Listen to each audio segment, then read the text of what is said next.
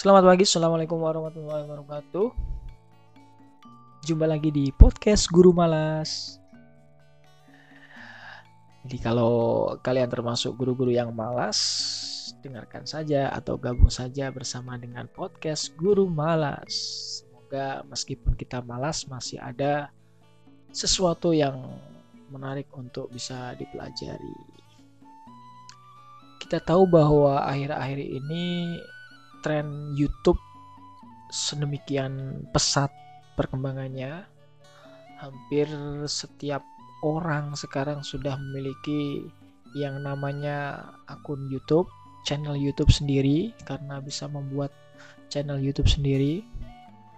Dan masyarakat pun sekarang sudah mulai bergeser dari tadinya ke TV, sekarang mulai bergeser ke YouTube karena di YouTube bisa kita tentukan uh, pilihan acaranya tersendiri sesuai dengan keinginan kita tentunya. Jadi kalau tadinya di TV kita mengikuti selera yang punya TV tentunya.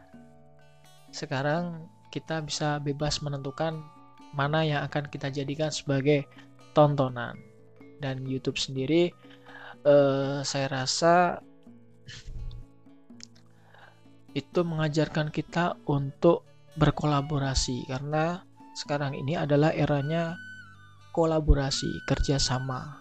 Ya meskipun ada beberapa yang uh, individu masih tetap bisa survive namun uh, youtuber yang individu itu saya rasa uh, perolehan viewnya penontonnya, jumlah penontonnya masih tetap kalah dibandingkan dengan yang mereka berkolaborasi. Apalagi kalau misalnya youtuber uh, besar berkolaborasi dengan youtuber besar juga, mereka secara tidak langsung menggabungkan dua penonton dalam satu panggung tentunya akan menarik jumlah penonton yang lebih banyak lagi.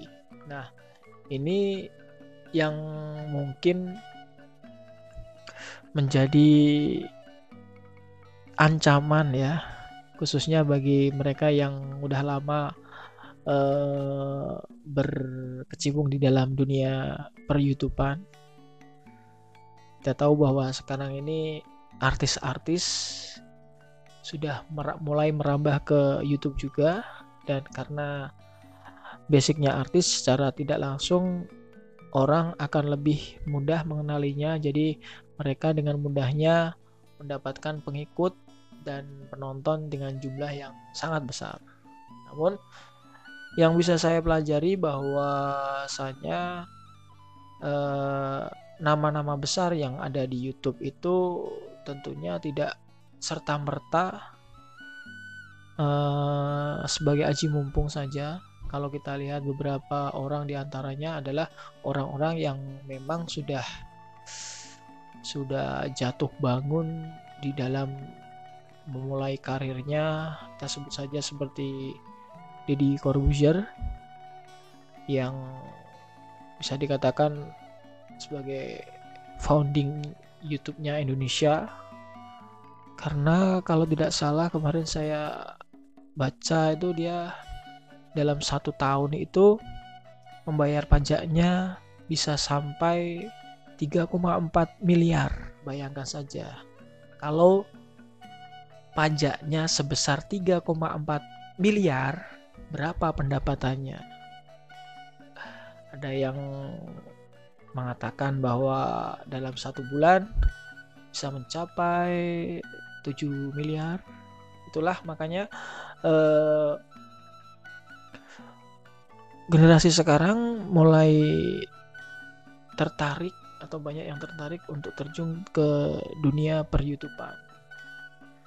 Bahkan tidak banyak sekarang uh, tidak jarang guru-guru ataupun siswa juga sudah memiliki channel YouTube tersendiri. Gampangnya hampir setiap orang sekarang sudah bisa membuat channel YouTube sendiri dan mereka bebas mau mengunggah video apa pun yang mereka sukai. Dan bebas mengikuti siapa saja tanpa ada paksaan atau tanpa ada kekangan dari pihak-pihak tertentu. Dan ini menurut saya adalah sebuah kebebasan berekspresi yang sangat positif. Apalagi di uh, era-era pandemi corona yang belum selesai seperti sekarang ini daripada mereka lari ke hal-hal yang tidak diinginkan seperti narkoba. Nah, akan lebih baik lagi kalau misalnya mereka bisa memanfaatkan uh, YouTube ini sebagai suatu kegiatan yang menyenangkan. Terkhusus untuk guru, saya melihat uh, teman-teman dari mulai saya SMA dulu, kemudian teman-teman di perkuliahan juga karena banyak yang menjadi guru sudah membuat berbagai macam channel sendiri. Dan itu mungkin untuk kebutuhan pembelajaran karena uh, video yang mereka unggah di YouTube uh, secara langsung akan membuat siswanya untuk tergerak menonton. Nah, itu saya rasa juga bagus sekali namun eh, kalau menurut saya untuk untuk fokus di dalam dunia YouTube atau untuk menjadikan YouTube sebagai sumber penghasilan sampingan itu tidak perlu kita ngoyo ya. Saya pun juga punya channel YouTube meskipun video yang saya unggah juga unfaidah, tidak bermutu. Saya hanya ikut tren saja, trennya lagi ramai buat YouTube, maka saya juga ikut buat YouTube. Biar tidak dikira ketinggalan.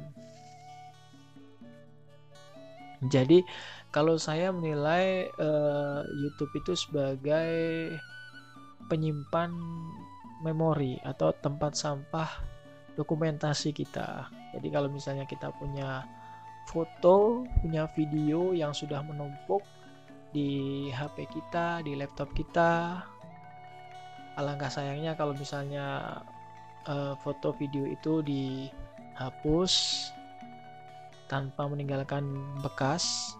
Alangkah lebih baiknya kalau foto atau video tersebut bisa diupload ke YouTube. Jadi suatu saat apabila kita eh, pengen menontonnya, pengen melihat kembali foto dan video tersebut masih tetap ada. Jadi jadikan YouTube itu sebagai eh, tempat sampah dokumentasi kita yang ingin kita buang dari gadget atau laptop kita, tapi kita sayang. Nah, itu saja kalau menurut saya jadi nggak usah embel-embel uh, ah saya pengen jadi YouTube biar dapat uang nah itu malah nanti stres tersendiri stres sendiri nanti ya buat senang-senang aja. Karena uh, kalau untuk sekarang saya rasa sangat sulit ya untuk bisa sukses di dalam YouTube. Meskipun tidak menutup kemungkinan uh, kalau misalnya kita tekun pasti itu kita bisa juga. Biasanya uh, yang survive di YouTube itu memang harus punya mental dan eh, ide-ide uh, yang tidak cepat habis. Kalau misalnya karena uh, untuk menyajikan sebuah video atau tontonan yang unik itu butuh kreativitas yang sangat-sangat tinggi.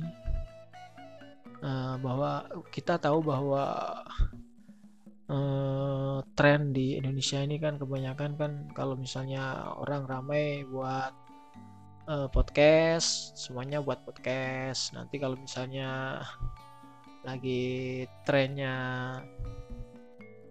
naik gunung nah, buat video naik gunung trennya berganti menjadi cerita seram atau horor itu lari ke cerita horor. Tapi yang saya heran, kenapa konten-konten yang bernuansa horor itu selalu banyak viewernya, selalu banyak penontonnya. Ini yang membuat saya jadi berpikir mungkin eh, orang-orang di Indonesia ini masih sangat-sangat percaya dengan dunia mistis, masih sangat-sangat percaya dengan dunia tahayul. Makanya mereka lebih takut kepada hantu daripada takut untuk maju. Hampir semua channel YouTube yang berisi tontonan yang bernuansa horor itu ramai dikunjungi oleh penonton. Itu yang membuat kadang saya heran ternyata eh, cerita-cerita seram cerita-cerita tentang perhantuan ini masih menjadi primadona di masyarakat Indonesia sampai kapan entahlah karena kalau saya melihat uh, beberapa channel yang berkaitan tentang pendidikan itu jumlah penontonnya tidak sebanyak eh, channel-channel yang berkis bernuansa horor. Katakanlah misalnya channel Kemdikbud sendiri. Kalau misalnya dibandingkan dengan cerita misteri itu viewernya kalah jauh. Itu yang membuat saya bertanya-tanya apakah uh, mungkin karena masyarakat kita tidak bisa lepas dari dunia perhantuan alangkah lebih baiknya apabila ada konten-konten kreator yang menyisipkan pendidikan di dalam uh, kisah-kisah horornya. Misalnya uh, pocong yang menakut-nakutin siswa yang malas untuk ke sekolah ataupun ada kuntilanak yang uh, mengancam anak-anak yang sering tidak mengerjakan PR atau segala macam hantu lah yang intinya sasaran sasarannya yang menjadi sasaran adalah orang-orang yang uh, tidak fokus untuk belajar ya. Jadi kalau dikatakan tidak fokus untuk sekolah nanti malah uh, saya salah lagi nanti karena uh, ada yang bilang kalau sukses itu tidak ditentukan dari sekolah, tapi sukses itu ditentukan dari belajar. Jadi bisa dikatakan bahwa sekolah itu tidak penting, tetapi belajar itu penting. Nah, itu karena e, belajar itu maknanya lebih luas daripada sekolah ya. Saya saya pun termasuk orang yang setuju dengan pernyataan tersebut. Entah siapa yang mengeluarkan pernyataan tersebut saya lupa ada banyak tokoh uh, yang mengatakan tentang sekolah itu tidak penting tapi belajar itu yang penting dan saya juga salah satu yang mengamininya semoga konten-konten uh, saya uh, sebenarnya pemerintah untuk memajukan pendidikan ini juga bisa berkolaborasi dengan para konten kreator.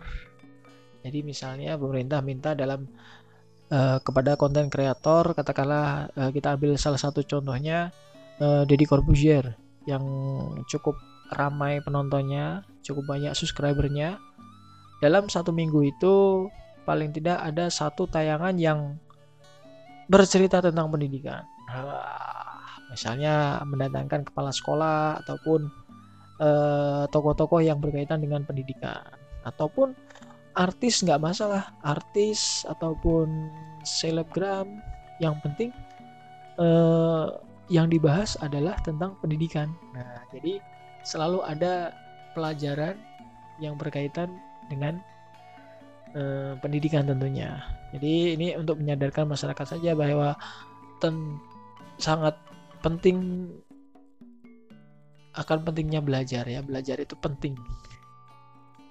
Saya tadi mau bilang akan pentingnya sekolah ini. Uh, kalau saya bilang ada yang uh, sekolah penting nanti ada orang-orang yang tidak sekolah namun sukses akan komplain. Namun kalau misalnya saya bilang belajar itu penting nah orang-orang tidak akan komplain lagi. Jadi itu sekedar masukan dari seorang guru malas seperti saya. Ya itu saja yang bisa saya sampaikan. Sampai jumpa di obrolan-obrolan tidak penting lainnya. Tetap semangat, tetap malas, tapi harus punya kualitas. Salam semangat. Assalamualaikum warahmatullahi wabarakatuh.